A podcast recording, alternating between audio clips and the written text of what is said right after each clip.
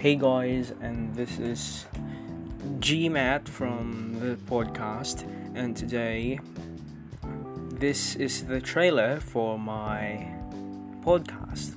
So I'll be talking about um, some history or some YouTube things like my videos and up something like that. But please stay tuned.